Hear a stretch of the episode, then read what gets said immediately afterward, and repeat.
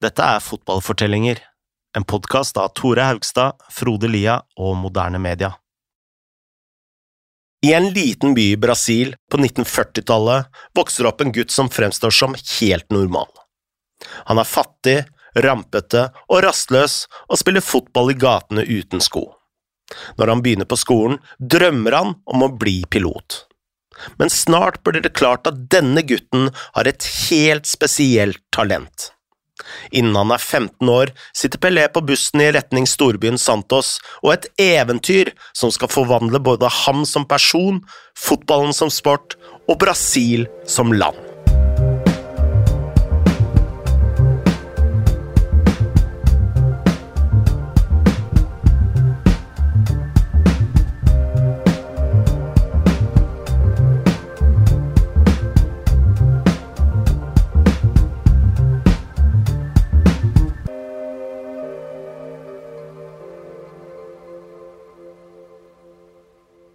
Edson Arantes do Nascimento ble født 23. oktober i 1940 i en liten by som het Tres Corazos.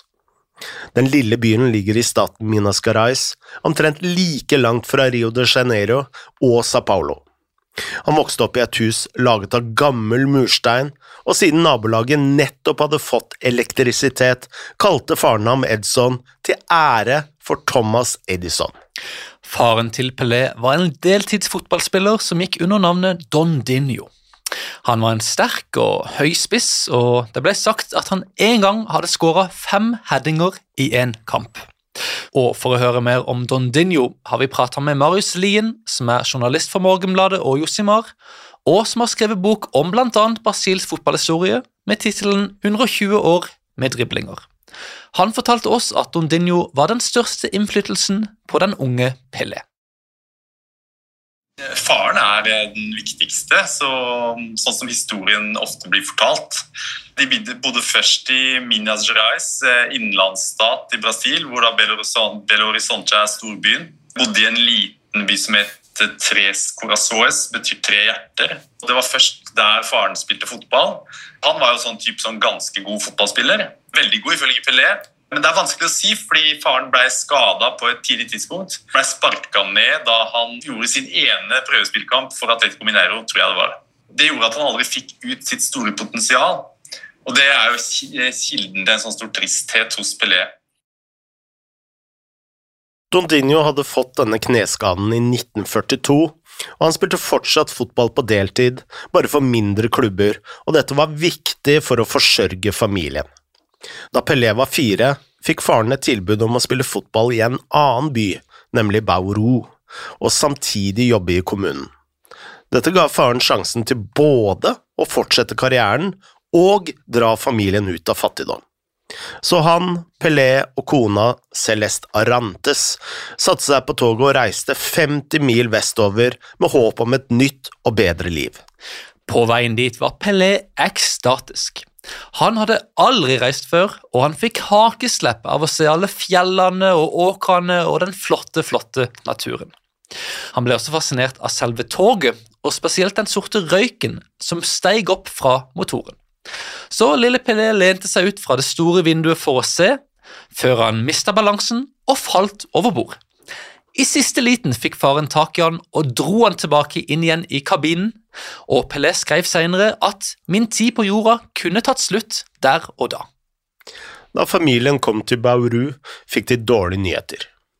Klubben faren skulle spille for, hadde endra navn fra Lusitana til Bauru Athletic Club, og ble nå styrt av helt andre mennesker enn de som hadde lovet Dondinho jobb. Det nye styret gikk med på å la ham spille, men han fikk ingen jobb i kommunen. Dondinho hadde ikke bare tatt med kona og Pelé, han hadde tatt med seg Pelés lillebror, lillesøster, onkel og bestemor. Nå måtte han forsørge dem alle sammen. De levde ikke akkurat i luksus i Bauru. Taket på huset lakk, barna hadde ikke sko, og middagen besto av brød med et lite stykke banan. Det ble fort klart at Dondinho ikke kunne tjene inn alle disse pengene alene. Så da Pelé var syv år, så tok han ansvar ved å begynne å pusse sko. Han fikk tak i skokrem og børster, og tok en runde rundt i nabolaget og banka på dører og tilbød sine tjenester. Det gikk ikke så veldig bra, for på den første runden så var det kun én person som takka ja, så Pelé prøvde heller lykken på farens fotballkamper utenfor stadion og på jernbanestasjonen, hvor folk gjerne hadde litt mer penger og litt penere sko. Snart fikk faren jobb i en lokal helseklinikk, noe som gjorde at Pelé endelig kunne fokusere på å få en skikkelig karriere. Mora ville at han skulle bli lærer, men Pelé selv drømte om å bli pilot. En dag fikk han og vennene høre at en pilot hadde krasjet i et glidefly like ved skolen. Dette var spennende for Pelé, for han hadde aldri sett en død person. Han og vennene dro til sykehuset, hvor legene eksaminerte pilotens lik. En doktor dro så hardt i den ene armen at det sprutet blod overalt, og synet var så makabert at det skrina hele Pelés pilotdrøm for godt. Dessverre for Pelé hadde han uansett ikke disiplinen til å få en sånn karriere. I hvert fall ikke på den tida. Han prata ofte i klasserommet, og straffen var ofte at han måtte knele ned på en haug med tørre bønner som var vondt for knærne. Noen lærere krølla også sammen små papirballer og trykka disse inn i munnen til Pelé for å få han til å tie stille. En annen straff var at Pelé måtte stille seg inn i en klassisk skammekrok med fjeset inn mot veggen, og så holde ute armene som om han var Jesus-statuen i Rio. Om han senka armene, fikk han et godt, gammelt klaps. Dette var pedagogikken i Brasils skoler på 40-tallet. Det var i denne perioden at Pelé fikk navnet sitt. Hjemme ble han kalt Dico, og på skolen var han først kjent som bare Edson. Men en av favorittspillerne hans var en keeper på Vasco de Gama som het Billet. Når Pelé prøvde å uttale navnet, hørtes det nettopp ut som Pelé, så klassekameratene begynte å kalle ham det. Pelé har ingen mening på portugisisk, og selv hatet han dette navnet. En dag kom en fyr på skolen bort til ham og kalte ham Pelé, før Edson ga ham en knalle av knyttneve og ble suspendert fra skolen i to dager. Over tid ble Pelé vant med sitt nye navn, men på den tida hadde han uansett ingen større planer enn at han bare ville leke i gata. Han elska å svømme i den lokale elva, og han kunne faktisk drukna en gang om ikke en forbipasserende hadde holdt ut en grein som gjorde at han klarte å klamre seg opp på land. Han spilte fotball med aviser som han hadde kramma sammen til en ball og bundet med tau. Ofte kom han hjem til sin fortvilede mor dekka i gjørme fra topp til tå. Og så besatt blei Pelé av fotball at han en gang sto opp i søvne midt på natta skreik 'mål', og så la han seg igjen. Og her var faren viktig. Siden Dondinho var spiss selv, lærte han Pelé å f.eks. hedde ballen uten å lukke øynene. Han forklarte at om du puster inn når ballen er i lufta, og puster ut idet du tar ned ballen på brystet, så demper du faktisk ballen mye bedre. Han viste hvordan man skulle få bedre kontroll over ballen ved å ta små, kjappe steg, Allerede som liten gutt fikk Pelé en privat mesterklasse i hvordan man skårer mål. I 1950 arrangerte Brasil det første VM-et etter krigen, og det første i Pelés levetid. Brasil hadde aldri blitt verdensmestere, men nå var det duka for fest. De trengte kun uavgjort i siste kamp for å vinne tittelen, og det mot knøttlille Uruguay.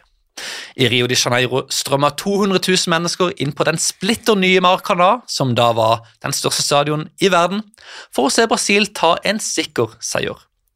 Ordføreren i Rio hadde allerede gratulert laget med seieren. Hjemme i Casa Pelé hadde Doninho samlet 15 venner og dekket bordet med kaker, øl og søtsaker. Ingen hadde TV på den tiden, så de samla seg rundt radioen. Pelé løp inn og ut av huset og veksla mellom å følge kampen og spille fotball i gata. De hadde samla seg til fest eh, hjemme hos uh, familien. og uh, Faren hans Dondinho satt ved radioen og hørte på Brasil skulle vinne. Var det beste laget, hadde spilt superfotball. Alt sammen var bra. Men så begynte da far i huset å gråte når Uruguay vant, og festen ble forvandla til bare tristhet. Så kom Pelé da med sitt høytidige løfte. 'Pappa, en gang skal jeg vinne VM for deg'. Marius legger til her at Pelé fortalte denne historien lenge etter at karrieren var over, så han visste jo hele tida hva som kom til å skje. Uansett var det helt sikkert sant at det var første gang Pelé så faren gråte, men Pelé kunne jo ikke vite på den tida at han skulle vinne VM selv. Han var kun ni år, og han spilte ikke engang på et organisert fotballag. En dag samla han og vennene seg i gata og bestemte seg at det var på tide å lage et eget fotballag. Hvordan de skulle gjøre det, var en eh, mye vanskeligere sak. De var en gjeng guttunger som ikke hadde råd til en ball engang, og nå trengte de plutselig drakter, sokker, shortser og ikke minst sko. De ga først laget navnet Sech di Setembro, altså 7. september, som er datoen da Brasil ble selvstendig fra Portugal i 1822. Så gjorde de brainstorming om hvordan de skulle skrape sammen nok penger til å kjøpe dette utstyret. Og Pelé, han hadde en idé. Han ville nemlig samle et komplett album med fotballkort og selge det for en fet sum. Og Dette var en idé som Pelé tok ansvar for å følge opp sjøl, og eh, selv om det var mye vanskeligere enn han trodde, spesielt fordi ingen ville bytte bort de beste spillerne, så klart, så klarte han til slutt å skaffe nok penger til å kjøpe en ball. Dette gjorde Pelé til en uoffisiell kaptein på laget, ikke fordi han var den eldste eller den beste eller den mest populære, men fordi han var den eneste som hadde en skikkelig ball. Men de trengte fortsatt penger til drakter. En av dem ville selge peanøtter ved sirkuset og kinoene, men da spurte resten hvordan i alle dager skal vi få tak i peanøtter? Det var jo enkelt. Han visste om et digert varehus ved jernbanen hvor de oppbevarte store poser med snacks, og hvor de kunne stjele det de trengte. Dette gjorde Pelé ukomfortabel, og vondt ble verre da vennene utpekte nettopp ham til å utføre oppdraget. Så en dag snek Pelé seg inn på varehuset med en bøtte, en kniv og svette som rant fra panna. Hendene skalv og et hjerte i full galopp. Han fant sekkene, kuttet et hull, fylte bøtta og lommene med peanøtter og løp for harde livet. Oppdraget var utført. Senere prøvde kameratene å kopiere denne suksessen ved å stjele en ny porsjon med nøtter, men de ble oppdaga av vaktene og var heldige som klarte å rømme med livet i behold. Uh, dette betydde jo at Pelé hadde stjålet det eneste de hadde, og uh, disse peanøttene var da nok til å kjøpe trøyer og shorts, men det var ikke nok til å kjøpe sko, og dermed måtte de starte opp laget barbeint. De spilte i time etter time i gata, helt til det ble mørkt, eller til en av de sparka ballen opp i strømkablene og kutta elektrisiteten til hele nabolaget. Og Pelé sitt lag var gode, Pelé sa at det ikke var mange i nabolaget som hadde lyst til å møte dem. En dag arrangerte ordføreren i Bauru en turnering for små lokale lag. De måtte ha sko for å bli med, så faren til tre av spillerne, som var salgsmann, lovet dem sko om de trente enda hardere og tok cupen seriøst. De fikk skoene, trente hardt og vant finalen med Pelé som toppskårer.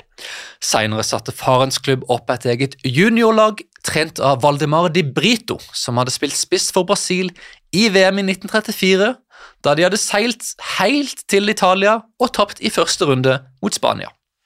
Pelé ble med på laget og fikk Di Brito som sin store mentor. Der ble Pelé enda bedre, mens han fortsatte å tjene penger når han kunne. En dag spilte de på stadion til A-laget, hvor Pelé skåra vinnermålet, før fansen invaderte banen og kasta mynter på gresset. Og Pelé, i stedet for å gå rundt og ta applausen, så bøyde han seg ned og plukka opp mynt etter mynt og tok det hjem til mora. Snart ble Di Brito overbevist om at han trente et supertalent. I 1956 fortalte han Santos at Pelé kunne bli verdens beste spiller, og ba dem om å gi ham en sjanse på prøvespill. Samme sommer satt Pelé seg på bussen på vei mot havnebyen med mål om å se sjøen for første gang. I juni signerte han sin første kontrakt i en alder av 15 år.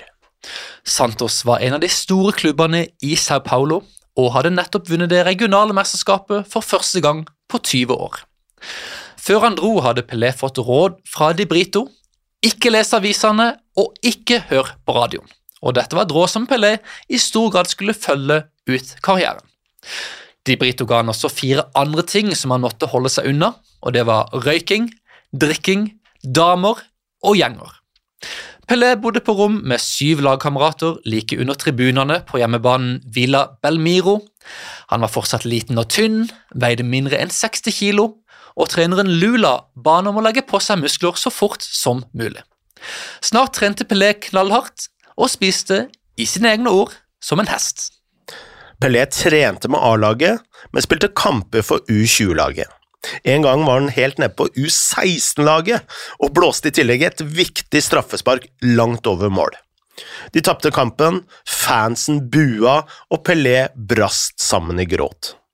Neste morgen sto han opp halv syv, pakka kofferten og prøvde å dra hjem til Bauru, fordi han var lei Santos.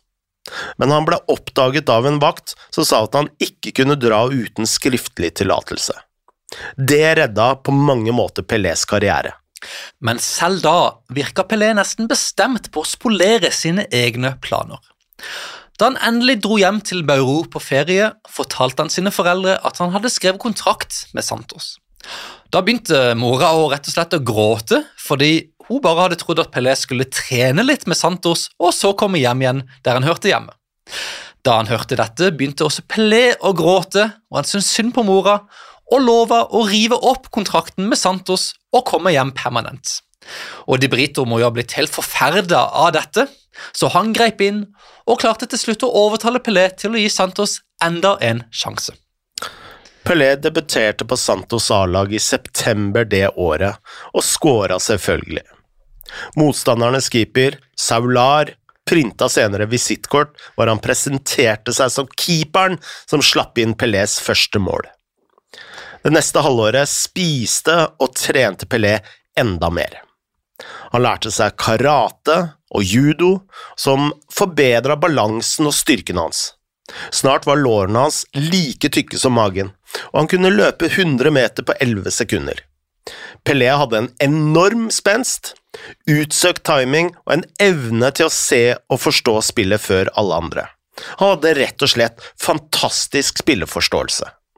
Han var et supertalent som var dømt til å slå igjennom. Men innen starten av 1957 var Pelé kun kjent lokalt og regionalt. Brasil var altfor stort til å ha en nasjonal liga. Det var jo ingen lag som kunne dekke disse distansene, iallfall ikke på den tida. Så Pelé spilte kun i det regionale mesterskapet i Sao Paulo. Men på sommeren det året så spilte Santos i en spesiell turnering i Rio de Janeiro med fire lag fra Brasil og fire fra Europa. Kampene gikk på Maracana og vakte enorm interesse. Der storspilte Pelé, og i juli samme år ble han kalt opp til A-landslaget. Brasil skulle spille i en turnering som het Copa Roca, hvor den eneste motstanderen var Argentina. I den første kampen på Maracana kom han innpå og skåret i en alder av 16 år og 9 måneder. Tre dager senere møttes lagene i Sa Paulo, og Pelé skåra igjen. Nå var Pelé også kjent nasjonalt. Og Pelé var helt ustoppelig nå. I den regionale ligaen i 1957 ble han toppskårer, og han banka inn 43 mål totalt på 40 kamper det året. Selv om han fortsatt egentlig var en liten guttunge, så vakte dette enorm oppsikt på landslaget. Da Brasil skulle ta ut troppen til VM i Sverige i 1958, så ble det snakk om at Pelé hadde en sjanse. En dag fikk Pelé høre fra faren. Dondinho hadde hørt navnet som ble lest opp til VM-troppen og var ikke sikker på om han hadde sagt Pelé eller Telé. Sønn, jeg tror du er med, sa faren. Det viste seg senere at han hadde hørt Pelé.